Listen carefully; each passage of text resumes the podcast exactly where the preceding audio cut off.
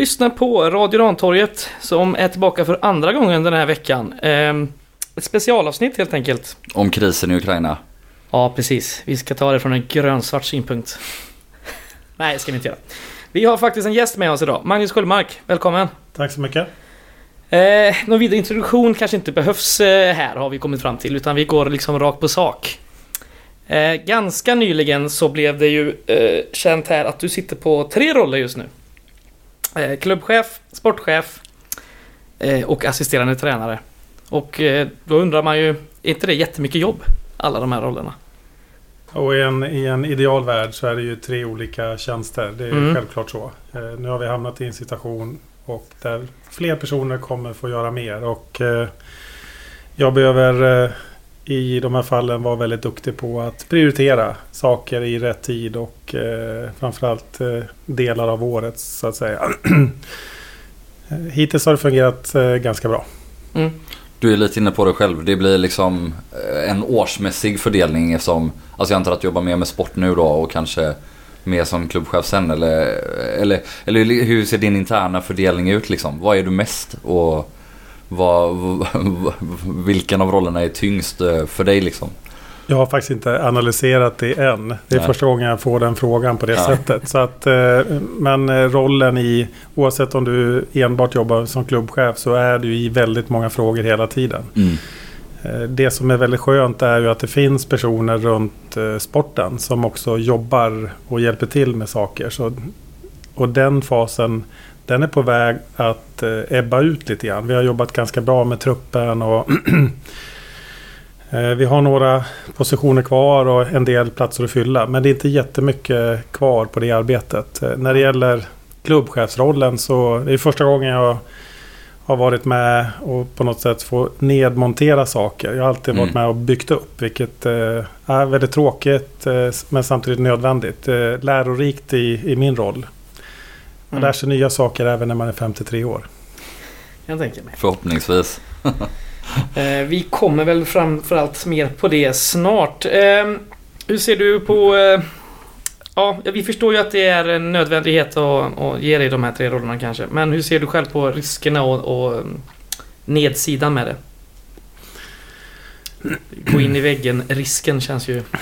Ja, dels det och dels om vi kollar lite bakåt så när vi bara la, eller liksom alla ägg i en och samma korg med Bosko Orovic som både tränare och sportchef så, så gick det ju väldigt dåligt. Och nu Mm. hoppas jag liksom att du är en, eh, en mycket bättre sportchef än Bosko Orovic och tror verkligen det också. Men, eh, men, men vad ser du för risker liksom med att sitta på alla platser själv som en och samma person? Ja, och det finns naturligtvis risker. Skillnaden är ju att eh, i det här fallet så har vi en, en huvudtränare i, i Mm. Fredrik eh, som eh, driver och, och tar det tunga lasset helt och fullt. Eh, så att eh, där är jag inte ett dugg orolig att det blir för mycket. Utan det blir den tiden jag har, den lägger jag eh, på, på det i den rollen. Kommer kanske successivt att bli mer även i planeringsfasen och kunna vara mer delaktig. Just nu så är det Fredrik och Kenneth i första hand som jobbar med, med planeringen Mm. inför träningarna. Nej, men sen gäller, jag har jobbat väldigt många år i olika roller inom fotbollsbranschen. Och eh, jag känner att jag har en stor erfarenhet och kan sålla bort saker som är ganska ovidkommande. Och det Mm. gäller, kan gälla både spelare eller andra som hör av sig att ja, men det är inte det vi söker. Utan, och, då, och då slipper du det störningsmomentet på något sätt. Mm. Just det. Eh, bor du fortfarande i Örebro och pendlar hit? Eller bor du här? Ja, Jag har en lägenhet eh, i ja, Majerna, i Sandarna kan man säga. Mm. Uppe på höjden där vid eh, brofästet. Längst upp där. Eh, trivs jättebra där. Men jag har ju hus i Örebro. Och mina barn i Örebro. Så Just att, eh, jag är ju i Örebro. Kommer faktiskt därifrån idag. Okej. Det är mycket bilåkning. Mycket bilåkning. Jag har en eh, sambo särbo i Växjö. Så att eh, den som är snabb med geografin förstår att det är som en Bermuda-triangel. Ja, Det gäller, att inte, det gäller att inte komma bort. Ja, det låter jobbigt men Ja. kanske lite härligt också eller?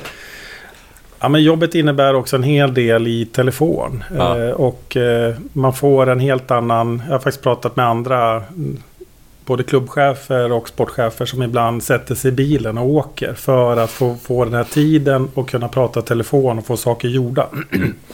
Eh, för man blir oftast ganska störd på, Mm. på ett kontor. Det är många som rycker i en hela tiden. Förstår. Hur många är det som rycker i en uppe på sportkontoret nu då? För ja, det har ju varslats en del och, och någon har sagt upp sig och eh, ja, du sitter på ett gäng roller. Vad, vad har vi kvar egentligen uppe på Gaisgården eh, i form av personalstyrka och, och vilka poster saknar vi eller anser du vi behöver? Ja, vi, vi har ju påbörjat ett arbete om man bara pratar nedmonteringen eh, och varslet och, och det, det kommer ju fullföljas. Men samtidigt så är, är jag fullt medveten om, och klubben också, när det gäller styrelsen att vi behöver ha ett sportkontor som fungerar. Det har fungerat bra under 2021. Det är åtminstone den feedbacken jag får till mig att, eh, att medlemmar och andra som har kontaktat eh, klubben har varit väldigt nöjd, nöjda med servicegraden. Att man har fått en återkoppling oavsett om det har varit telefon eller mejl eller på olika sätt man har kontaktat klubben. Så att eh, målsättningen är att kunna bibehålla det. När man går in i det här året så ja, det kommer försvinna några stycken totalt sett eh, i numerären. Men ambitionen är ju också att vi ska kunna ha någorlunda samma servicegrad gentemot medlemmar ändå. Eh, Hur går det ihop då med så många färre? Alltså det var ju inte, ni var ju inte jättemånga 2021 heller. Så sett. Alltså man hade kanske hoppats liksom på att om vi hade varit kvar i Superettan att vi hade kunnat utöka antalet anställda på kansli och, och kring laget liksom. Eh, nu blir det ju tvärtom vilket ja, men, man delvis kan förstå då såklart av uppenbara skäl men eh, kommer det vara möjligt att upprätthålla samma servicegrad? Kommer det vara möjligt att sköta föreningen lika bra på färre personer? Eh, med det här hårdare jobbet per person eller? Ja, vi behöver ju ha hjälp av eh, ideella människor i större utsträckning. Och det arbetet har påbörjats och det kan röra allt ifrån materialdelen runt A-laget som vi just nu har fått lite intresseförfrågningar på. Och i, igår gick vi ut gällande marknadsgruppen för att eh, få fler att engagera sig ideellt för att generera mer intäkter till klubben. Servicegraden, det är ju en målsättning. Jag vill vara tydlig med det. Att eh, målet är ju att eh, marknadssidan ska slå det målet som man har dragit in. Att, att servicegraden ska kunna bibehållas. Men eh, jag förstår också att det kommer vara väldigt tufft. Det kommer vara Mm. svårt. Så det kommer krävas mycket av oss som jobbar där uppe. Så. Mm. Ja, och vi kan ju uppmana alla då att gå in på guys.se också och och läsa den här nyheten från igår då. Om man kan tänka sig att bidra ideellt på något sätt kring marknad. Ehm, om man har erfarenhet och vilja och lust eh, och allt sånt där. Mm. Men eh, bara för att stanna eh, med en sista liten fråga på det här spåret i alla fall. För jag tycker alltid att det är en halvsvår avvägning på ett sätt. Jag vill ju att Gais ska vara en så professionell klubb som möjligt. Jag hade helst sett att vi anställde de här åtta personerna, vilket alltså, självklart är helt omöjligt idag. Samtidigt så är jag ju också helt medveten om att en väldigt stor styrka för den här föreningen är ju allt ideellt engagemang. Om, om du liksom ställer dig och gungar på den här gungbrädan mellan ideellt och professionellt, eller det ena måste ju såklart inte utesluta det andra. Men eh, hur, om, om vi inte hade åkt ur i år, hur hade du velat bygga klubben framåt liksom? Eh, Ja, men då, då hade vi ju tagit steg eh, med ytterligare någon, framförallt på marknadssidan ska jag säga, för Mm. att generera, med ambitionen att generera mer intäkter till klubben. Mm. Eh, Det hade varit eh, en, en viktig insats och en, en viktig faktor för oss för att bli ännu starkare. Eh, nej, men det andra är ju om man, om man tittar utifrån hur man ville bygga så är det klart att eh, det, man vill ju ha en tydlighet i olika roller och att man växer i sin roll. Och det tycker jag vi har gjort under året. Vi har ju fått in ny personal och, och det tar ju nästan ett år att bli varm i kläderna. Mm, och, eh. Och den servicegraden som Caroline har levererat eh, har ju varit exceptionellt bra under, under 2021 vill jag, vill jag påstå. Och, eh, och så har vi haft våra trogna, lojala som Kristoffer och Annika som har varit kvar under väldigt många år och levererat eh, väldigt hög kvalitet och sitter på så mycket kunskap. Både om själva jobbet men också om klubben som Mm. är ovärderligt. Så att eh, ja, jag har varit jättenöjd med eh, personalen och sen har vi adderat personer fler till kontoret också. Men vi har även haft ideella personer som har hjälpt oss under året hela tiden. Mm. Oavsett om det har rört utskick i olika ja, format eller i matcharrangemangen som vi har så har Mm. vi varit väldigt beroende av ideella. Och det kommer vi att vara även fortsättningsvis. Det är ju även större klubbar på allsvensk nivå Absolut, som, pratar, absolut. som pratar just om det här. Att eh, det, det professionella och det ideella det måste på något sätt kugga ihop på ett bra sätt. Mm. Och sen gäller det att inte se motsatsförhållandet. Liksom, Nej. att, eh, utan att se att ja, men det här, man bidrar på olika sätt. Och man kommer inte vara med hela tiden men, men man är med fem utav 15 hemmamatcher exempelvis. Då. Låt oss stanna upp där vid de namnen du har eh, sagt. Um, rätta mig om jag har fel här men nu. Alla du har räknat upp är antingen uppsagda eller sagt upp sig. Och hur gör man i det korta loppet för att... Ska någon eh, ersättas rakt av? För det är väl fler som har sagt upp sig än vad ni hade tänkt, tänker jag. Ja men så är det. Mm. Eh, och det är klart, och, och det senaste kom igår. Så att jag, det är väldigt nytt allting i det hela. Och det gäller att vara transparent i det hela och, och jag är jätteledsen över den situationen. Eh, samtidigt så behöver vi också se hur vi ska bygga klubben starkare. Eh, och då behöver vi dels titta på vilka kompetenser är det vi behöver i ett utgångsläge för att 2022 ska bli så bra som möjligt. Eh, och det är klart att vi har på marknadssidan en gruppering med eh, mig, Kristoffer, Stefan och Mattias som jobbar väldigt hårt för att intäktssidan ska nå det målet som vi har satt. Eh, och, det är vi fullt beslutsamma att vi ska göra. Sen ingår det naturligtvis i det en servicedel i samband med evenemangen på, på hemmamatcherna. Så att där behöver vi hitta Eh, och komma vidare i hur den rollen ska bemannas eh, mm. efteråt. Så mm. är det. Den eh, marknadsdelen, eh, det målet som är uppsagt, så tror jag det sades 3,5 miljon på medlemsmötet senast. Stämmer. Eh, hur långt ifrån är vi i dagsläget? Eh, ja, jag, har inte, jag har inte den dagsfärska, siffra, dagsfärska siffran men säg att det är i alla fall 1, 8, 1, någonstans där 1,6-1,8. Men vi har en hel del kvar i befintlig ja. stock som vi, som vi är på väg att bearbeta. Eh, och då ska det väl tilläggas där att det var 5,1 i fjol va? Stämmer. Mm. Eh, ja, vi fortsätter på Gaisgården spåret. Eh, souvenirer anställdes det ju en person för att ta hand om eh, ganska sent här i höstas. Med ganska eh, ja, fördelaktigt för Gais tror jag, för det var väl en... Eh, där lönen togs av arbetsförmedlingen och lite andra, eh, har jag för mig. Eh, hur, hur går man vidare med det nu? För den personen är också uppsagd. Vad, vad, hur, hur kommer souvenirförsäljningen se ut? Och, för där finns det ju ganska mycket att förbättra och som påbörjades då i höstas. Nu känns det som att nu kanske man backar tillbaka där. Ja, men det är precis så. Mm. Eh, och, och det här är ju saker som hade, hade vi inte åkt ur så hade vi jobbat med att utveckla den här delen ännu mer. Det, det låg i, Mm. i tjänsten att, att hur ska vi utveckla, hur ska vi nå fler, vilka produkter, vi behöver ett basutbud men behöver också attrahera andra typer utav fotbollsintresserade gaisare som, som börjar köpa souvenirer. Så Mm. att, eh, och även i, den, i det här området så kommer det handla om många fler ideella personer som kommer som vi söker efter som vill hjälpa till med just det här. Och vi har fått ett par stycken som har anmält intresse hittills. Mm. Men fler får gärna höra av sig. Där har Men eh, ja, det är också en sån grej. Skulle vi inte kunna gå plus på en sån tjänst även i division 1? Alltså oavsett om vi talar souvenirer eller Ja, alltså väldigt många av de här tjänsterna är ju tjänster som man hade hoppats åtminstone kunde bära sig själv och på två år kanske liksom börja ge intäkter. Är, är det så små marginaler i division 1 att vi inte vågar eller tror vi helt enkelt att det inte bär sig i division 1 eller, eller varför kan vi inte fortsätta med den satsningen nu liksom? Eh, Ja, det är lite för tidigt eh, idag att säga exakt hur vi kommer att göra i och med att eh, dels har det kommit eh, en uppsägning under gårdagen här. Eh, Mm. Så att eh, det är möjligt att vi kommer att se över vilken väg vi ska gå utifrån övriga på kontoret. Mm. Eh, och det ber- får jag be att få återkomma till helt Ja. enkelt.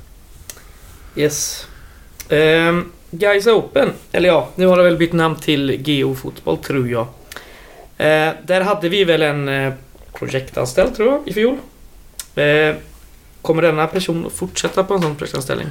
Nej, den tog slut vid årsskiftet. Och det är Eh, inget vi väljer om. och väljer inte att fortsätta utan vi har en eh, person i styrelsen, Mm. David, som eh, kommer att och har gjort väldigt stora saker redan Ja. eh, för att få ut eh, allt material som krävs. Så att turneringen blir lika framgångsrik och, och eh, med målet faktiskt att bli ännu större under 2022 med fler flickklasser. Så där känner jag mig trygg. Eh, Det är inte så att vi i det här fallet känner att det kommer knaka i det. Utan där känner jag mig jättetrygg i att eh, den strukturorganisation som David har jobbat ihop kommer att också bära frukt längre fram. Mm. Det ska väl tilläggas eh, angående Guys Open att det drog in 4,5 miljoner i intäkter i fjol ungefär. Eh, och resultat på ungefär en miljon då, så utgifter på 3,5 eh, enligt de siffrorna jag har. Ehm, vi går vidare. Någonting som vi har klagat på i den här podden ganska många gånger, eh, ganska många år, är sociala medier och kommunikation. Och nu har vi åkt ner, nu fattar jag att man inte... Det har inte funnits någon tjänst för det och det kommer väl inte göra det heller. Men... Hur ser man, hur ser man på det framåt? Kommer man liksom sköta det också mer ideellt? Och vad är den långsiktiga strategin för just kommunikation? Om jag bara får nyansera lite också. Det är ju, eller ja, sociala medier och kommunikation. Jag tycker att guys har väl ganska ofta haft bra content alltså liksom i Ja, ja, sociala visst. medier. Sen, Jag buntar upp det lite. ja men exakt. Sen har kommunikation inte alltid varit eh, helt klockren. Till exempel med 3 miljoners nyheten nu senast som Mm. praktexempel lite grann eh, över, ja men om, om man ska vara helt ärlig, väldigt dålig kommunikation. Ja, instämmer i det. Så Mm. att, eh, nej, men vi har ju en hel del att eh, arbeta med när det är vissa delar i vår kommunikation, utan tvekan. Och det blir eh, en stor utmaning 2022 att jobba med det. Samtidigt så så eh, måste vi också lita på att eh, den gruppering som, som idag jobbar med kommunikation och media, eh, framförallt eh, det som sker på sociala medier och hemsida, det är ju ideella personer som gör det och de gör det oerhört bra. Och, vi har fått en liten nystart upplever jag de senaste veckorna här med nya personer som har kommit in. Eh, och med hög energi, vilket också ökat eh, informationsflödet eh, Mm. i klubben, vilket är väldigt positivt. Eh, Mm. Framåt sen, naturligtvis, skulle jag säga att eh, så är det en tjänst som vi borde ha i klubben. Mm. Utan tvekan. Tittar vi på andra elitklubbar eh, som, som är både på superettanivå men framförallt allsvenskan där vi hör hemma. Eh, så har de ju kommunikatörer och eh, sociala mediepersoner anställda. Mm. Landskrona hade det till och med i ettan va? Eh, tror jag faktiskt. Men eh, skit i dem. men eh, en sak som du nämnde, det hade jag helt glömt av. Eh, men kom och tänk på när vi pratade om det. Du pratade om att vi eventuellt skulle lansera en ny hemsida eller? Mm, På medlemsmötet. Stämmer? Hur kommer det sig? Den är väl ganska bra? Eller? Jag Ja. tänker, jag, utan att veta nu då, eftersom jag sitter ju inte och jobbar med den på något sätt. Men eh, det känns som att den egentligen är ganska bra men att det kanske har varit uppdaterandet av den då och då bara. Alltså att man Instämmer. ja, men uppdatera truppen och, och kalender och sådana grejer liksom. Ja. Men, eh, men va- va- varför behöver vi en ny hemsida? Det är min fråga. Ja, den är ju alltså snygg. Ja. Alltså design, layoutmässigt. Så Ja. det, det är inte det vi ska ändra på. Nej. Utan det är allting under och bakom som har varit... Det är an, de som kan det här. Jag är in- är inte en av dem. Nej. Konstaterar bara att det är väldigt trögjobbat i, Mm. Ah, på den hemsidan. Så det kommer en ny. Eh, och det, vi är alla väldigt eh, glada över hur det kommer att se ut. Sen är det som du säger, uppdateringarna på hemsidan Mm. kan bli avsevärt bättre. Mm. Och är den mindre trögjobbad så kanske det är superrimligt. Det är väl så kallad backend-utveckling. Om jag Va? ska slänga mig med termen. Alltså, jag har ingen Ja, jag aning. tror det. Både jag och Magnus sitter som frågetecken här nu. Jag kanske får skit för det här för det kan vara Ja. fel men ja. Ja, vi får se. Men eh, om vi ska ta och städa av den här 3 miljoners nyheten också. För Ja. alla eh, var väl inte på medlemsmötet och någon kan ha missat att läsa om det. Så om vi bara en sista gång då förhoppningsvis eh, tar, tar den frågan liksom. För det första, var, varför ber vi om det?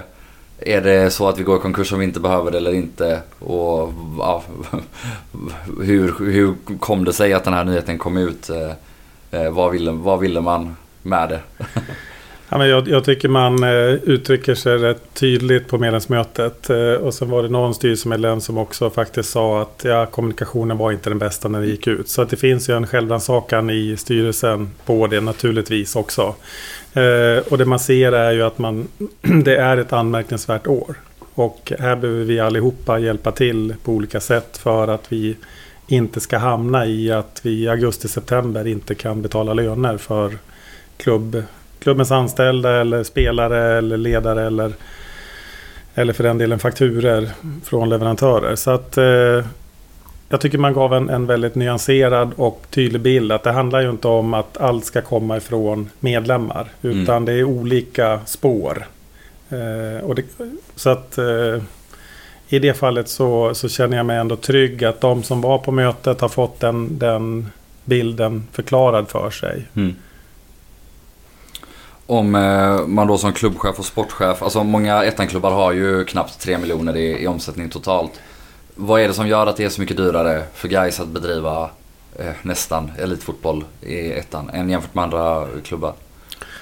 Ja, vi sitter ju i arenaavtal och, och andra fasta kostnader. Mm. Eh, även med träningsanläggning och liknande som, som eh, inte på samma sätt andra klubbar har på den här nivån. Eh, och sen är det klart att vi försöker även på kostnadssidan när det gäller spelartrupp att minska, vilket också framfördes på, på medlemsmötet. Men mm. eh, det handlar också om att vi vill ha kvar konkurrenskraften i det hela. Så att eh, ja, det, det, är en kombination i att eh, att hålla i utgifterna och kostnadssidan och, sen jobba med, med intäktssidan. Jag kanske gled mm. ifrån ämnet lite grann där. Ja, men eh, om jag tolkar det rätt då. Alltså den stora skillnaden mellan oss och Tvååker är att vi dels har Gaisgården och spelar på Gamla Ullevi. Så att vi har mycket högre fasta kostnader där. Är det liksom den stora ekonomiska eh, större kostnaden? Eller är det... jag, jag vet inte hur Tvååker ja, är uppbyggda. Men, ja, liksom, men, så att jag, jag kan inte... Dem, men rent generellt mot ettanklubbar. Ja, det, det, skulle jag säga. Det, det, är i alla fall två faktorer som är viktiga i, i helheten. Mm. För ja, det är ju eh, verkligen eh, basic nu. Men vi, vi, får ju också in ganska mycket mer pengar än dem. Och det var väl kanske det som framförallt liksom smärtade folk när den här 3 miljoners nyheten mm. är. Att det känns som, ännu en gång, alltså sett till, sett till våra budgetar så har vi ju sportsligt underpresterat väldigt länge. Eh, precis som vi har förra året och, och ganska många år i rad innan det. Och här känns det liksom som att ja, alltså här ska vi liksom komma före ettan i division 1 om vi ska ha 3 miljoner plus våra intäkter redan, redan innan. Ehm, men ja. ja.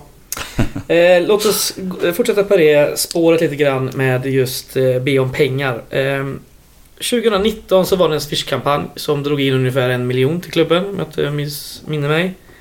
Eh, året efter, 2020, så anordnades Gaishjälpen av Gårdakvarnen som drog in 870 000. Och i fjol i höstas så var det Gaishjälpen igen som drog in en eh, 230 tror jag. Var, eh, var har alla de här pengarna tagit vägen? Vad går de här pengarna till? De här gåvorna? Är det det berömda svarta hålet som Gais har eller var, var läggs de? Men den, den läggs ju i verksamheten naturligtvis eh, utifrån beslut som eh, i slutändan tas av styrelsen. Yeah. Oavsett om det handlar om investering för sporten eller någonting som har handlat om sportkontoret eller anläggningen eller någonting annat. Mm. Akademin är ju en viktig del som, som vi har valt att inför 2022 att inte skruva ner på utan behålla kvaliteten och behålla personer som faktiskt jobbar för att utveckla våra unga fotbollsspelare så att de kan vara med och konkurrera upp i A-laget. Eh, så att det är svårt att säga exakt ja. vad det läggs på. Det läggs på väldigt många olika delar uh, inom klubben. Får, vi får väl anta att en del av de här pengarna går till eh, konstgräsplanen som uh, var kraftigt eftersatt. Ja, det är ju en, en del naturligtvis. Ja, jag kan säga när jag kom till jag tror jag sa det vid någon, någon av intervjuerna i början eh, när jag hade kommit att det, det var, har varit väldigt mycket arbete med själva anläggningsfrågor. Eh, som har varit ganska eftersatt. Allt ifrån att byta lampor liksom, på anläggningen till att hålla andra saker i bättre skick. Eh, på tal om anläggningen och Gaisgården. Eh, jag hörde här för ett tag sedan att det var mögel i byggnaden. Har det åtgärdats? Nej, det är ju en rätt komplicerad sak det där. Vi Eh, riva hela skiten. Ja, egentligen är det Ja. är ju så. Så är det någon, som, någon entreprenör där som för, tycker att eh, vi behöver ha en ny, ny kontorsbyggnad så är ni välkomna att höra av er. För att det är nog så att eh, det är inte mycket att hänga julgranen. Det är, det är samma typ av lukt som egentligen förra sessionen när jag jobbade i klubben också. Så det har inte ändrats någonting och förmodligen så har det då växt på ännu mycket mer underifrån. Så det har med konstruktionen att göra. Det är Mm. alltså inte i själva stommen och det taket och, och, utan det är grunden som är bekymret. Det är ett fuskbygge. Ja, det är ju sådana här klassiska moduler. Ja, Ja. De är säkert från 70, 70 eller 80-talet de modulerna som står där uppe. Yes. Ja, ni med pengar, ni vet vad ni ska göra. med byggföretag. Ja, exakt. Så det är många med byggföretag som lyssnar på den här podden tror jag. Ja men eh, om inte du har något mer på klubbchefstemat eh, Ja. så hoppar vi väl kanske över lite mer till sportchefstemat då. Jag tänker, och, kan vi inte börja med den här frågan som står där? Jag tycker ändå den är rätt intressant. Den har lite med allting att göra och sen när Magnus också har varit i klubben innan och har lite historik. För den här frågan ställde vi till Fredrik Holmberg när han var här. Eh, och det är så att Gais har varit i Sveriges tredje högsta division eh, tre gånger förut. Men vi har aldrig lyckats ta oss upp direkt. Och vad är det som talar för oss att vi lyckas den här gången? Ja, det finns ju en erfarenhet i klubben. Det finns en stomme utav spelare kvar. Eh, och då menar jag att det finns väldigt bra fotbollsspelare utav de som både har spelat i allsvensk nivå och superettanivå de senaste åren. Eh, och så finns det erfarenhet på ledarsidan. Om, om jag bara tittar på delvis mig själv, men Kenneth Gustafsson, Ole Söderberg eh, och sen Fidde. Alltså det, det finns en, en kvalitet i den sportsliga organisationen som är väldigt stark. Mm. Yes. Den här frågan kan vi ställa till alla dina tre roller faktiskt. Så du kanske får den igen Ja. senare.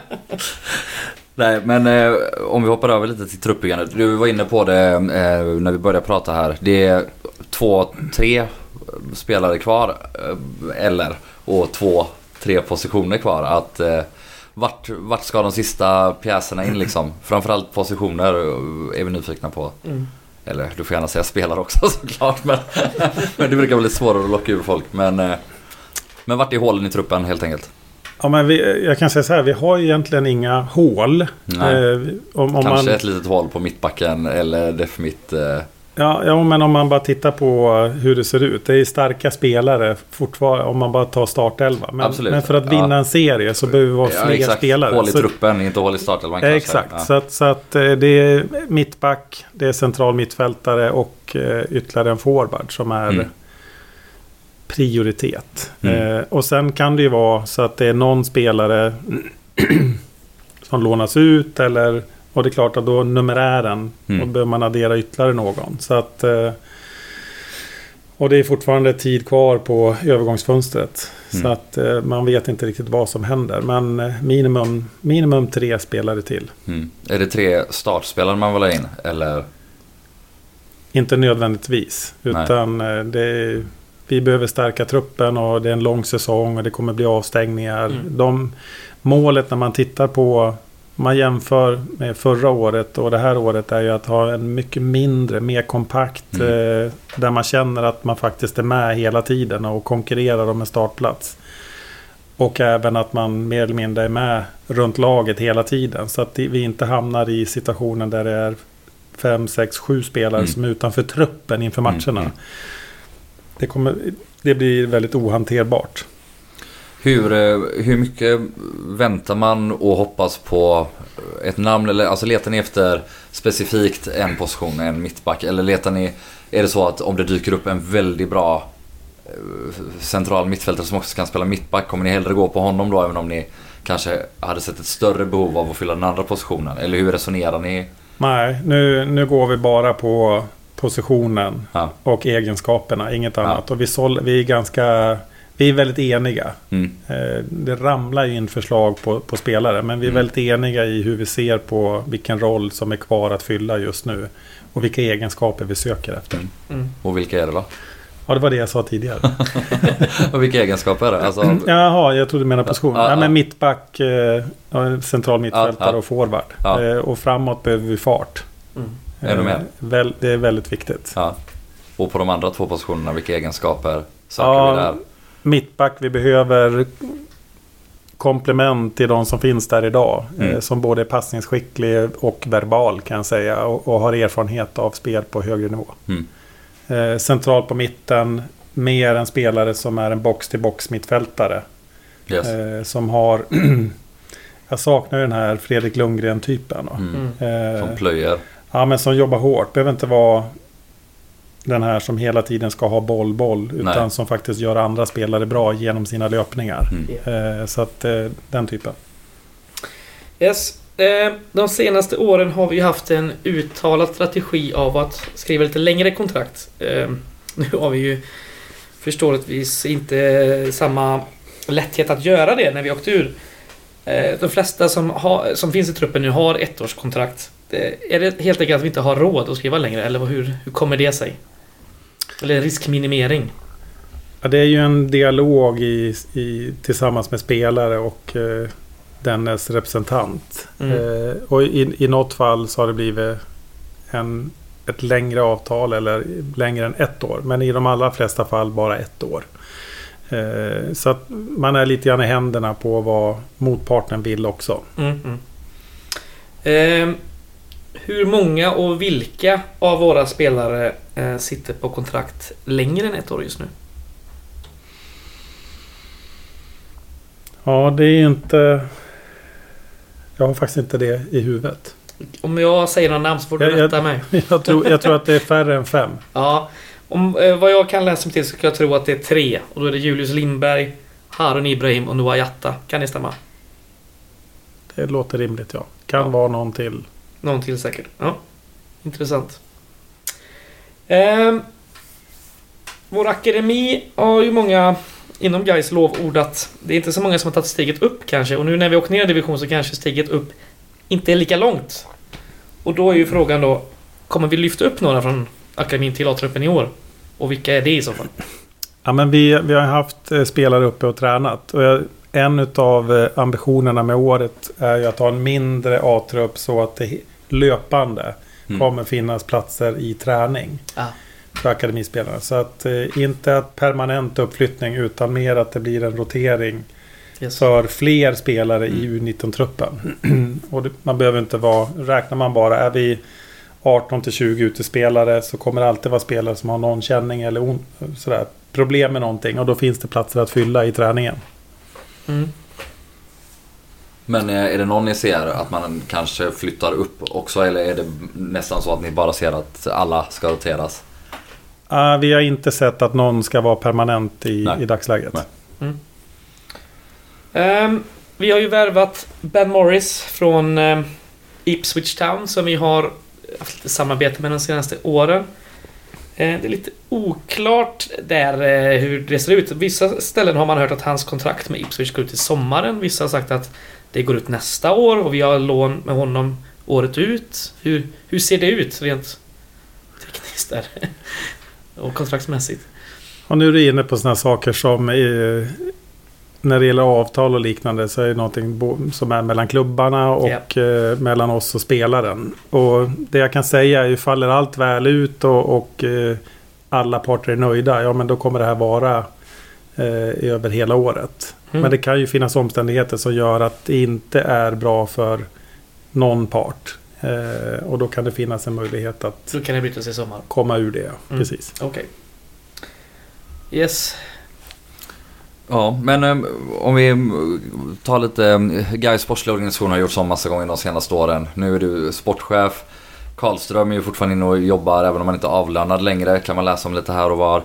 Alltså hur, eh, hur går de sportsliga besluten till i Gais idag eh, 24 februari?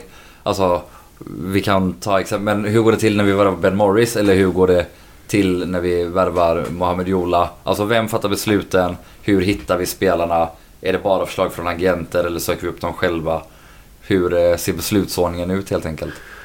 Men till att börja med så är vi ju tre stycken då. Det är, det är jag, Niklas och eh, Fidde. Mm. Eh, som har jobbat med eh, truppen i, i första hand. Och Mm. sen är det ju andra utifrån som kommer med förslag på spelare. Mm. Och det kan alltså vara- utifrån som utifrån agenter eller utifrån... Ah, det kan, inom organisationen, Ja, inom yes. guys. eh, som kommer med tips. Och, eh, och sen är det vi då som i slutändan analyserar och eh, tittar på spelarna utifrån positioner. Och vi har även Kenneth eh, Gustafsson som är inne och, och tittar och analyserar och, och ger förslag på, på spelare. Utifrån vilken position vi letar efter. Och sen inleds det en... Om vi då trattar ner det där till två eller tre spelare så har vi under de första månaderna haft en hel del provspelare på plats och så har vi då utifrån det sen kunnat gå vidare med ett par namn för att vi tycker att här har vi någonting utifrån egenskaper som skulle passa väldigt bra in i hur Fidde vill att laget ska spela fotboll Mm. 2022. Eh, och då har vi gått på det spåret och inte väntat utan vi har, vi har valt att ta relativt eh, snabba beslut. Mm. Eh, för att ja, men här, vi måste lita på våran egen professionalitet i att kunna analysera fotbollsspelare. Mm. Eh, om du hela tiden ska ha någon annan som vad tycker du och vad tycker du och Mm. vad tycker du. Att det är sex stycken som ska ha åsikter om en spelare. Till slut så blir det ett sammelsurium av åsikter. Mm. Eh, så att jag tycker att vi har, vi har hittat en tydlighet i vilka egenskaper vi söker i de olika rollerna och så har vi valt de spelarna som nu är på plats. Mm. Och vem fattar de slutgiltiga besluten? Är det ni tre då? Du, Niklas och Fidde? Eller? Ja, det är i slutändan är det Fidde Ja. som måste känna att det här, det här Ja. tror jag på. Mm. Yes. Det är alltid huvudtränaren skulle jag säga. Ingen annan. Men om, om vi tar något konkret exempel. Alltså Ben Morris har vi ju såklart fått för att eh, ja, Roland håller på med Ipswich en massa. Men eh, är det ofta så att vi får tips från, från agenter eller är det de här människorna inom organisationen som jag antar du menar främst det är väl människor som varit med i Sportrådet och scoutat och, och hjälpt till med grejer. Eller hur, hur går den typiska guys-värvningen till liksom? Ja, jag- har inte historiken och har, jag har faktiskt inte gått in i, i hur man har gjort tidigare. Men- Men, men men, min egen ja. erfarenhet är ju att eh, som, som sportchef eller den rollen som Niklas har så drunknar du i Ja, förslag på spelare. Eh, det kommer från hela världen. Eh, och det gäller att på något sätt välja att de här agenterna, den här byrån vill man samarbeta med. Mm. Eh, för att man, man litar på, på den typen av förslag som de kommer med. Och sen jobbar man med det. Men det är det ena. Det andra är att du också jobbar direkt mot klubbar. Mm. Alltså där Ipswich är ett alternativ. Men det Mm. finns ju andra klubbar i, i Sverige och i Norden som vi har kontakt med. Där vi får förslag på spelare som kanske är... Och, och det är ju det här som du var inne på tidigare. Att vågar man vänta. Så är det så att det kan dimpa ner någonting riktigt, riktigt bra. Mm. Eh, för att alla vet ju att ja, men Svenska Cupen den pågår nu. Eh, och det är först nu det börjar brinna till i alla trupper. Och, och då är det någon som märker att jag är inte prioriterad. Och då kan det finnas en möjlighet att få låna någon spelare som håller en väldigt hög kvalitet. Så att eh, ja, det, det, är, det är alltså från agenter, organisationer men också via klubbar som vi tittar. Mm. Om vi fortsätter på lite så här semistrukturella eller nästan filosofiska frågor då som sportchef. Det här är en eh, fråga vi har fått mejlad till oss eh, säkert hundratusen gånger och som olika människor nästan alltid ställer. Hur resonerar man när en, en spelare vill lämna guys och vi vill ha kvar den? Finns det liksom eh, Finns det någon gång då man bara sätter ner foten och säger nej eller tjänar man alltid på att låta den gå? Eh, frågan är nedskriven så här. Ska vi släppa spelare för att de vill gå? Det vill säga vill vi inte ha spelare, eller det vill säga vi vill inte ha spelare i Gais som ändå inte vill vara här. Eller finns det gånger då man ska statuera exempel och bara behålla någon?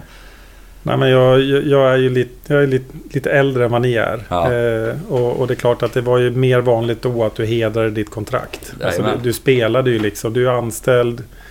Och det är tack vare klubben jag har fått min plattform lite grann. Mm. Så att eh, jag tror ju mer på det. Och utifrån min roll så jag är anställd utav eh, en styrelse som Mm. har som i sin tur är framröstad utav medlemmarna. Så att, att på något sätt underminera den plattformen som klubben är. Eh, det ska jag säga, då ska man inte jobba som klubbledare. Mm. Det är min åsikt. Utan vi, Man är här, man är anställd, man har kontrakt och så ända tills den dagen vi som klubb kommer överens med en annan klubb. Då, då är det okej att lämna. Annars så hedrar man sitt kontrakt och så Mm. spelar man vidare bara. Då ska vi väl ta ett exempel från verkligheten nu då som har varit ryktat lite om. Det är våran eh, mittback Emin Grozdanic som det har skrivits om både i GP och eh, på sociala medier. Ehm, och där har GP påstått att vi har fått ett bud som vi har nobbat. Eh, stämmer det? Ja, det stämmer. Mm. Det var för dåligt bud eller var det för att vi vill jättegärna ha kvar Emin? Ja, men det är ju en kombination. Mm. Eh, både utifrån kvaliteten på honom som fotbollsspelare och eh, det han bidrar med Mm. eh, i klubben och har varit i, i klubben i så pass många år. Så att eh, det är en kombination utav det och att eh, budet, buden har varit alldeles för låga. Det är flera. Ja, ett bud och ett något sånt här om man ska kalla det där man ska, ska byta spelare. Men, Aha, okej. ja. Så eh, kommer han vara kvar här det här året eller om det inte kommer då ett, ett bra bud? ja, Och ett bra bud, eh, det avgör styrelsen. det ju styrelsen. Så det är inte upp till, till dig då? Eller Ja, men jag, jag ger väl en rekommendation. ja precis. Naturligtvis. Men Ja. i, styrelsen, i slutändan är det styrelsen som tar De sitter beslut. på triggerfingret. Ja, de sitter på besluten i det. Okej. Vi lyckades ju, eller ja, om man nu ska säga lyckades, men vi sålde ju en spelare också nu då. Mm. Men då resonerade man helt enkelt, ja men lite tvärt emot. Där fick man till pengar sett till att det inte var så mycket kvalitet eller, eller att vi var så väl betäckta på den positionen i det här fallet kanske. Eller hur, hur gick resonemanget när vi säljer Egnell? Oh, ja, men det är ju... Vi hade väldigt många spelare i den positionen. Mm. Eh, Så när, när väl det blev aktuellt så kändes det att okej, vi försöker få det i mål. Mm. Helt enkelt. Hur mycket var det ett ekonomiskt beslut? Eh, Ja, det var delvis ett ekonomiskt beslut, men mest ett sportsligt beslut ska jag säga. För Ja. att eh, vi, vi, han konkurrerade med spelare som gjorde att han inte hade varit en startspelare. Mhm. Eh, när vi gick in i 2022. Eh, du vet, förstår jag att du inte kan eh, avslöja hur mycket pengar det handlar om och sådär. Eh, alltså summor. Men gissningsvis så bör det varit lite så vidare försäljningsklausuler och sånt i, ett, i den försäljningen, eller? Då får en blick här. Jag vet inte, jag får så mycket mer så. Ja, men vi har gjort en försäljning och så finns det ett avtal mellan klubbarna. Ja, så, och mer ja. kan man inte säga. Nej. Nej, det brukar vara så. Eh, ja. Har du någon mer fråga där? Om truppen? Ja, Nej, jag, truppbygget. är, jag är görnöjd. Det här verkar ju lovande. Eh, härligt. Men eh, ja, vi har ju en till här som... Ja, den är... Varför tror du att guys misslyckas sportsligt så under så många år? Alltså per satsad krona känns det som att vi är jävligt kass. Ja det känns ju inte så. så har det är ju så, det är ju så såklart. Men, men ja, jag vet inte. Jag, om jag får flika in. Jag, om, det är också precis som med den här 3 miljoners grejen. Det har städats av en del lite grann. Du har också hållit en liksom, liten genomgång. Om varför vi misslyckades förra året. Eh, Mm, men om du orkar upprepa det ännu en gång i korta ordalag. så får du gärna.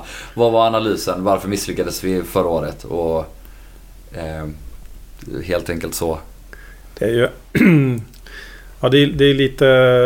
mm, Jag hade ju en ganska lång eh, redogörelse för det. Eh, Och vi var många som har, har gett våra Jajamän. input i den utvärderingen. Och ska man, ska man försöka göra kortvarianten utav det eh, så handlar det om att eh, vi har varit otydliga i kravställningen eh, på tränarteamet gällande den sportsliga ansatsen. Alltså kommunikationen mellan den sportliga ledningen och tränarteamet har varit för dålig helt enkelt. Mm. Tittar man sen på spelartruppen så har den varit för stor. Vilket har skapat en otydlighet. Förvisso en hel del skador och några utlånade men fortfarande alldeles för stor. Enligt mig i alla fall. Eh, Men sen är ju idrott är ju Elitidrott handlar ju om väldigt mycket psykologi. Och eh, här hamnade vi i en negativ spiral. eh, Efter de första fem omgångarna som vi tyvärr inte kom ur. Mm. Och det drabbar vissa klubbar. Gais har underpresterat eh, de senaste drygt tio åren. Mm. Om du bara tittar på omsättning. Mm. Eh, och, och vad är det som säger att vi ska bryta det då? Och, och jag menar ju på att det handlar ju om att vara mycket tydligare i hur klubben ska jobba med eh, att forma fotbollsspelare. Att spela utifrån den idé som klubben faktiskt har lagt fram. Eh, så att eh, jag känner mig trygg. Jag känner mig oerhört hoppfull. I och med att jag står på träningsplanen och ser egenskaperna hos spelarna. Jag ser vad de presterar. Jag ser hur hårt de jobbar. Jag ser Fiddes ledarskap varje dag eh, som är väldigt tydligt och kravställande. Så att jag, jag känner mig eh, väldigt hoppfull inför 2022. Mm. Alltså det här är också en sak vi har eh, gaggat i den här podden om hur mycket som helst. Och det har nämnts lite på, eller det har nämnts en hel del på medlemsmöten och, och lite på olika hemsidor, både Gais officiella och 11 mars. eh, Men eh, den här ansatsen eller Gais Mm. sportsliga strategi. Eh, om du som sportchef nu då vill kommentera den snabbt. För på medlemsmötet pratar du också om att den är väldigt bra egentligen. Men att den inte har efterföljts, att det snarare varit det som varit problemet.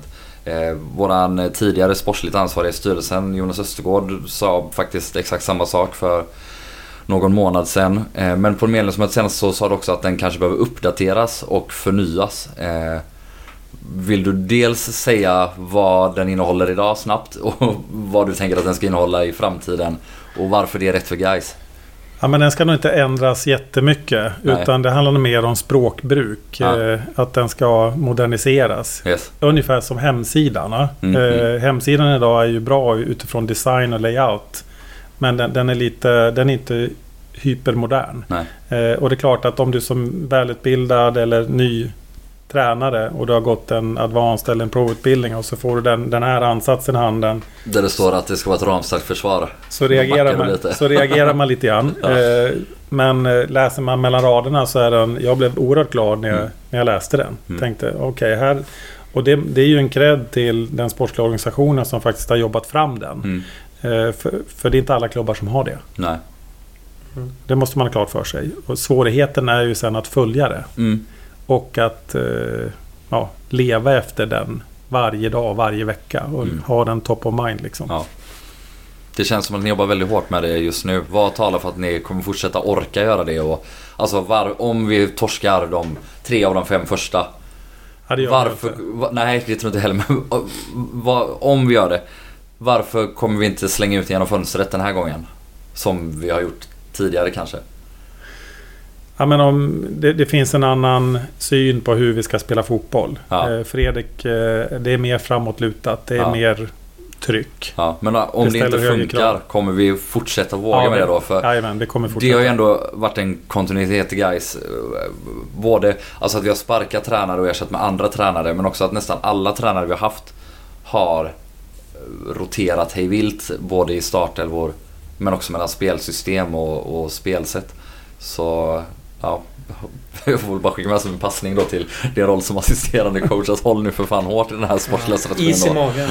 Ja, men vi ska hålla kursen. Ja. Eh, och det, jag tror att ni ser det också. Även, när vi, även om vi förlorar mot ett eh, väldigt starkt Malmö. Övertygande liksom. Eh, som kör över oss i, i tio minuter där Mm. i första halvlek. Så, så finns det ändå en, en idé om hur vi ska ta oss an en match mot eh, Sveriges bästa fotbollslag. Mm. Och, och det är klart att vi är ju, om ni tänker en 10-gradig skala så kanske vi är på trappsteg två just nu i det här. På väg upp mot tre, på väg upp mot fyra. Malmö är redan på mm, nio och en halv liksom. 10 nästan. Eh, så att eh, ja, men jag har eh, stora förhoppningar inför 2022. Mm. Mm.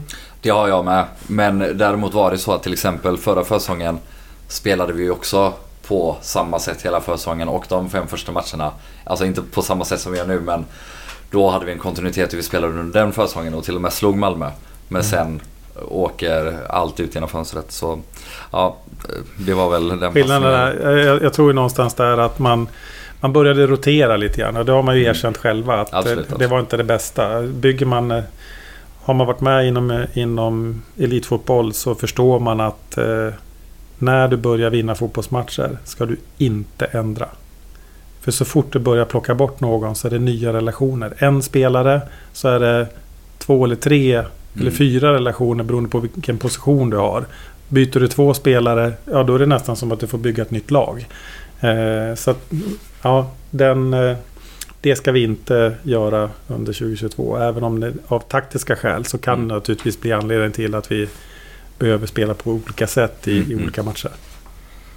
Ja, vi har ju redan glidit in på massa frågor som är liksom mer assisterande tränare Mm. än, än sportchef här. Men du och Kenneth är assisterande i nuläget. Men vi letar eventuellt någon annan eller någon till. Eller hur är det med det egentligen? Är det spikat att ni två kör nu? Eller?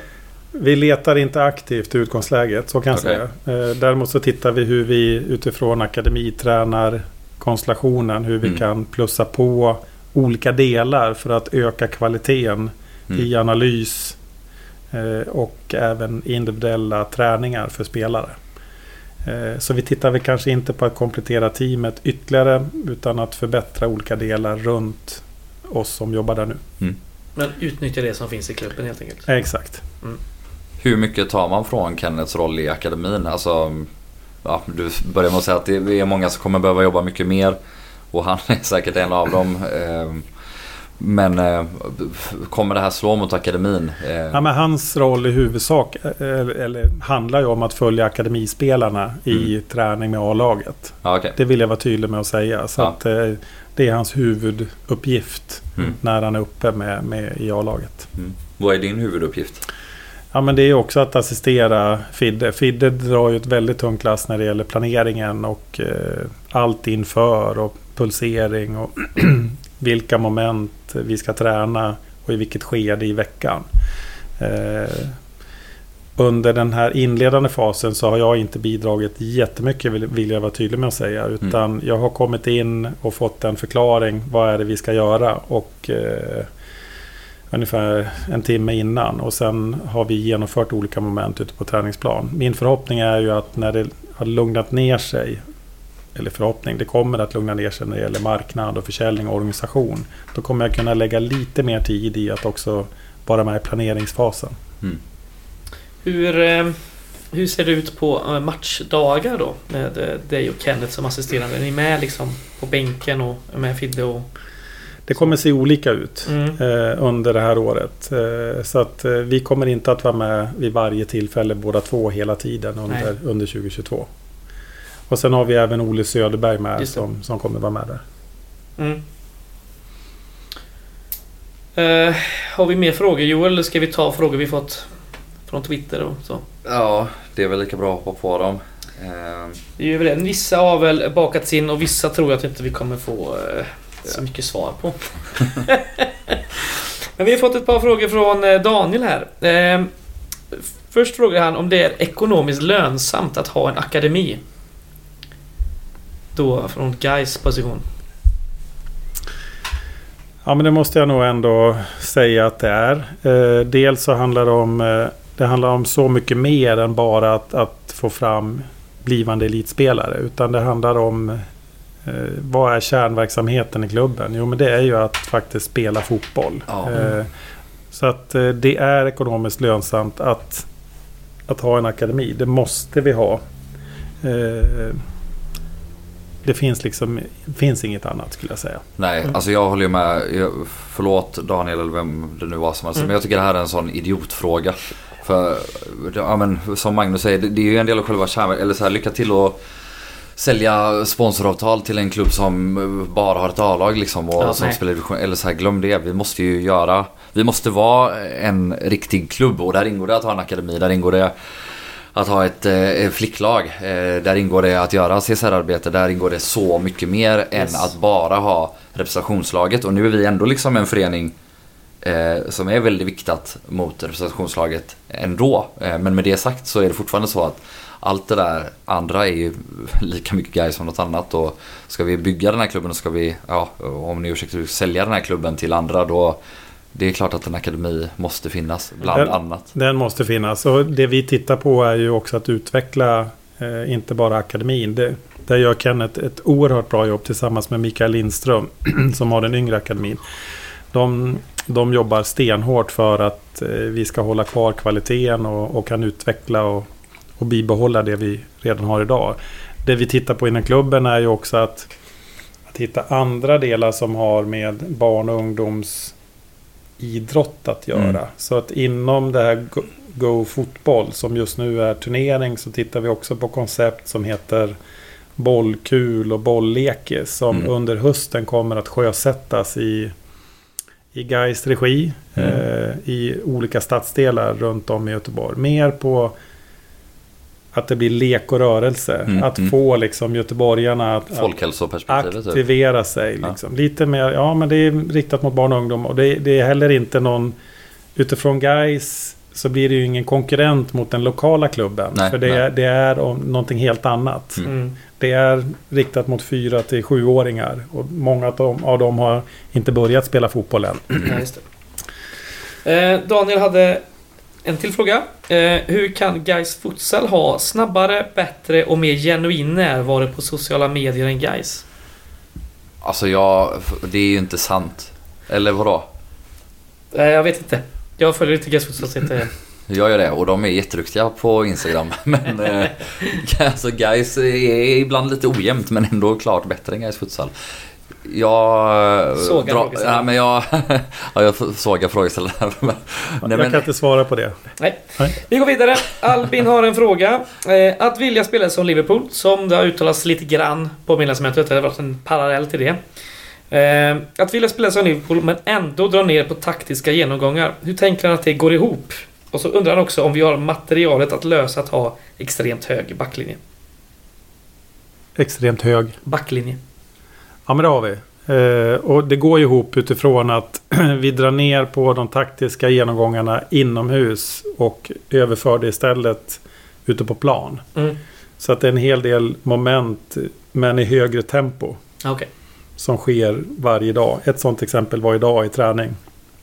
Men då var det en genomgång innan exempelvis om, eh, om vårt eh, försvarsspel, det höga försvarsspelet. Men också där vi tränade en backlinje i deras positionsspel i, när vi försvarar eget mål. Så att eh, det går ihop. Mm. Eh, det, det är klart att det är lite en hög målsättning att spela som. Men bara så att förklara en riktning vart vi är på väg så är det ju att vara mer framåtlutad. Vilja spela mer på motståndarens planhalva. Mm. Eh, och, och ha en väldig fart i vårt anfallsspelet. Yes. Eh, Eskil har en fråga. Eh, hur mycket pengar drog du in när du var i Kina? Ja, alldeles för lite. Alldeles för lite. Det är därför du är Gais nu. Ja. Sen har vi också en fråga. Eh, vi ska fråga dig om du har dina känslor för Ransta IK. Ja, men de är ju stora. Ah, är det moderklubben? Det är moderklubben, precis. Eh, en, eh, en typisk eh, bonhåla mellan Sala och Västerås. 800 invånare. Kanske några fler idag. Det Mm. finns en eh, Konsumbutik, det finns en pizzeria, det finns en, eh, en skola, en mellanstadieskola. Eh, ett, ett levande samhälle. Men, ja, men jag växte upp där och har väldigt mycket kärlek till eh, den platsen och, och de människorna som fortfarande bor där. Härligt. Fint. Eh, vi har också fått en fråga. Varför värvar vi inte Jesper Zetterlund när han tydligt markerar att han vill till guys 19 år, 22 mål borde vara givet beslut för oss. Han är en duktig fotbollsspelare. Han har ju varit hos oss också och, och visat upp sig. Så att, eh, det är möjligt att det kan komma under året. Ja. Ah, Han eh, har eh, kontrakt det här året va? Med eh, Alafors tror jag. Men ja, det kan hända grejer. Ja, en sista. Richard Friday har ju varit och Mm. provtränat länge med oss. Är han den här forwarden som ska in eller? Ja, det kan ju vara så. Ja. ja. Vad avgör det? Ja, vi är ju inte ensamma i, i det. Nej. I det racet. Och eh, vi, hade det bara varit vårat beslut så hade det varit enkelt. Men Mm. det är andra som... ja. Är vi nöjda så? Ja, då tror jag att jag har frågat allt jag har att fråga i alla fall om alla dina tre roller. Har du något du vill tillägga? Sådär, på rak arm. Inte på rak arm. Nej. det har jag inte. Nej. Vi kan väl tillägga det som vi var inne på lite här under eh, avsnittets gång att eh, vill man jobba ideellt för guys så får man höra av sig. Jättegärna. Alla är Mm. hjärtligt välkomna. Härligt. Eh, vi har ju ett segment vi kallar kulturtips. Jag vet inte om du är... Om du känner till vad vi sysslar med. Men eh, vi ska köra lite kulturtips nu helt enkelt. Ett var. Jag har varit och käkat en hel del på restauranger sen tiden. Netflix igen. Ja, i så fall får jag väl tipsa om eh, en bok. Bäst movie ever made, så den är inte så jävla bra. Ja, kulturtips låter väl skittrevligt. Så vi får se. Är du, har du förberett något? Jag har, Lycka inte, till. jag har inte ens sagt till dig. Nej, jag har ingen aning vad, vad det innebär. Det var, du tipsar om en, en kulturell upplevelse. Det kan vara Fredrik tipsar ibland om eh, restaurangbesök. Jag brukar of, ofta tipsa om böcker. De många andra som jag brukar tipsa om poddar eller musik. Eh, Mm. man- Det är helt upp till var och en. Ja. Ett besök i det vilda. Ett besök i, vad hette modeföreningen? Ramstad. Ja. Ja, precis. Men... Eh, jag Börja du, Ja exakt, jag kan börja med Så att får du en tipsa. känsla av hur det fungerar. Ja men eh, jag lyssnar på en superhärlig låt som heter Les Fleurs, betyder blommorna gissar jag. Jag är dålig på latinska språk men eh, av? Minnie Ripperton. Mm. Otrolig bit. Eh, Känns lite vår trots att det är snöblandat regn i mitten av februari. Men man hör ju fåglarna kvittra. Man Alltså, gör det ju börjar det. ju närma man sig. Gör ju det. Ja. Eh, både i låten och i, i verkliga livet och inombords. Eh, när man tänker på att eh, Gais ska spela med hög backlinje i år. Så Ja, så är det. Ehm, ja, ja, mitt tips kanske är något eh, märkligt en dag som denna när eh, Ryssland attackerar och invaderar ett grannland. Men det finns en härlig film från 1964 som heter Dr. Strangelove eller Hur jag slutade ängslas och lärde mig älska bomben. Magnus tycker det här var ett kul tips, här, ser jag. Ehm, och det handlar ju liksom, det är en satirisk krigsfilm eh, Mm. som handlar liksom om det kalla kriget och eh, kärnvapenhotet. Och varför jag valde det här tipset idag är ju för att Peter Sellers i den här filmen, han har ju tre roller. Precis som Magnus Sköldmark i Guys. Så där har vi kopplingen. Men en bra film. Då ska vi se då Magnus, om du har något tips att komma med? Ja, men, eh, jag bodde i Majerna tidigare och nu i Sandarna. Så det får ju bli ett restaurangtips. Och det är ju. Gaiskrogen nere på Mariaplan. Mm. Eh, som... Eh, nej, ett... Eh, Enoteka Maglia. Enoteka Magle. Den är Precis. fin. Jag var där och åt i förrgår faktiskt. Jag måste säga, ja, men, eh, alltid bra service, det är väldigt personligt, eh, en galet bra miljö. Mm. Och Mm. maten är, eh, håller väldigt, väldigt hög klass. Mm. Så att, eh, Framförallt sett till vad man betalar för den. Alltså, Ja, det är alltid verkligen. Den, eh, ja, om man går till vissa ställen där man får betala jättemycket då förväntar man ju sig också jättemycket. Här är det ändå... Jag tycker man betalar lite mindre än vad man får liksom. Eh, vilket ju är bra som Mm. kund. ja men precis så är det. Och nu senast vi var där så var det, nu minns jag inte vilken, vilken rätt det var, men som hade kommit tillbaka som vi hade saknat senaste halvåret. Så extra positivt. Mm. Ja, Det var det. det var det. Vi eh, avslutar väl åtminstone med att uppmana alla att eh, köpa årskort eh, för att skapa fördel guys Yes. på matcherna. Gör det. Ungefär 650 idag utan Det är ungefär partner. hälften av årskorten. målsättningen. Ja, precis. Så vi har en bit, bit kvar. Mm. Lönen Men, eh, kommer imorgon så in och, in och köp för fan. Ja, herregud vad det ska säljas årskort nu Ja, i helgen. Jag ska även tillägga då eh, att det finns platser kvar i bussen till Värnamo på lördag. Så in på Gårdakvarnens hemsida och eh, boka sig en plats. Det blir skoj. Mm. Vad kan vi förvänta oss av matchen? Vad säger ASS-coachen? Ja, men det, det känns som att vi bör ha tagit några kliv.